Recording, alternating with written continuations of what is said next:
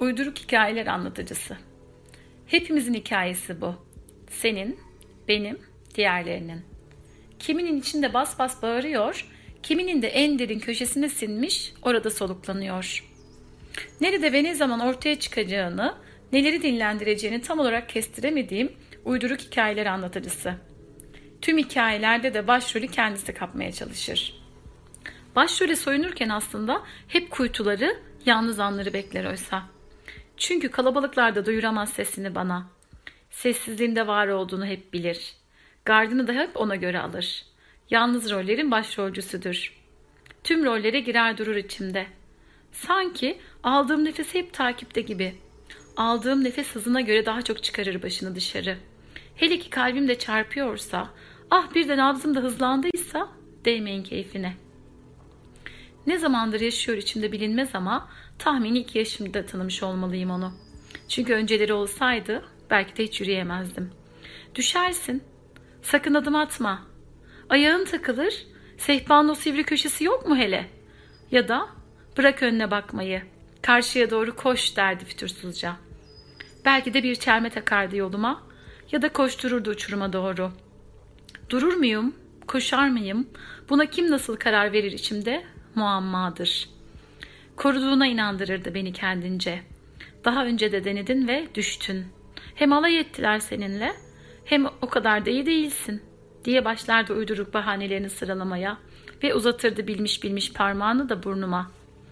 Neye benziyordu, nasıldı, kim gibiydi? Bana mı benzetmişlerdi fark edenler yoksa? Herkes gibi, herkesten de farklı gibi. Türlü hallerde çıkardı karşıma. Bazen annem babam, bazen bir filmde izlediğim bir karakter, bazen adı çoktan unutulmuş bir öğretmen.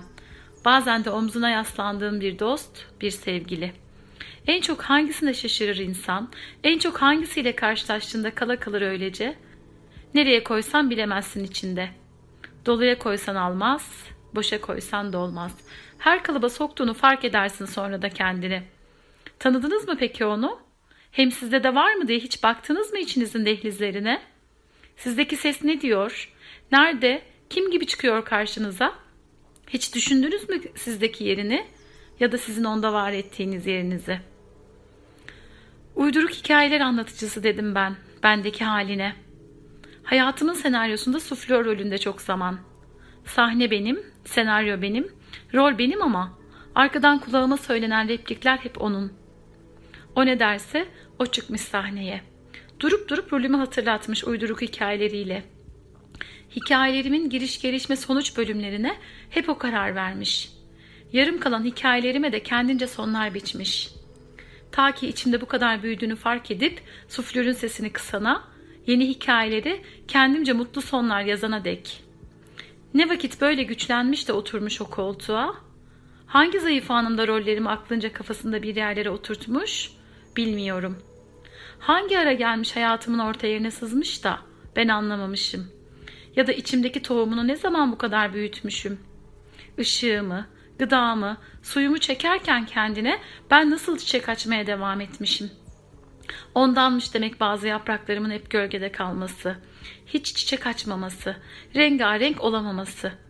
Işık hüzmelerinin arasından güneşe bakmaya gayretim de ondanmış. Şimdi anlıyorum ki bir ben daha varmış benden içeri. Nice zaman yoldaş olmuşuz birbirimize. O kendini sevmiş ben diye, ben onu sevmişim yine ben diye. Hem birmişiz hem biz, hem de çok. Nice sonra birden karşılaştık yine gönlümün en kuytu köşesinde. Hiç olmadığı kadar neşeliydi. Tam da ben hiç olmadığım kadar hüzünlüyken. O vakit anladım ki ayrılmıştı yollarımız. Ben onu bırakıp Neşe'yi seçerken o olmadığı kadar hüzünlüydü yine. Dur dedi. Bilmiyorsun bu yolları. Bensiz geçemezsin. Çok kez denedin. Yine en başa döneceksin. Dur. O yolları yalnız yürüyemezsin. Korkarsın. İlk kez bu sabah tıkadım kulaklarım onun söylediklerine. Attım sandalyemi gönlümün en kuytu köşesine. Ondan geri aldığım umudu, cesareti, keyfi ve hikayelerimin yeni senaryolarını koydum kolumun altına. Bir de keyif şarkısı doladım dilime. Son ses açtım gönlümün sesini. Bir oh çektim sonra.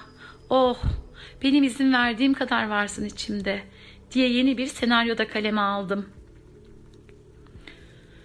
Yuvarladım onu da gönlümün en kuytu uçurumuna tepe taklak. Bir parçasını bırakmıştı yine oracıkta. O da son bir damla gözyaşımdı. Ardından onu da yuvarladım o kuytu köşeye. Bu kez tedbirli davrandım. Belki yine çıkar gelir diye de bir gözyaşı şişesi ayırdım ondan geriye kendime. Sizin de var mı bir gözyaşı şişeniz? İçinizde bir yerlerde gönlünüzün kuytusuna gizlenmiş, keyif çatan ya da bas bas bağırıp kulaklarınızı sağır eden bir iç sesiniz. Bulmaya ne dersiniz onu? Haydi bir oyun oynayalım onunla.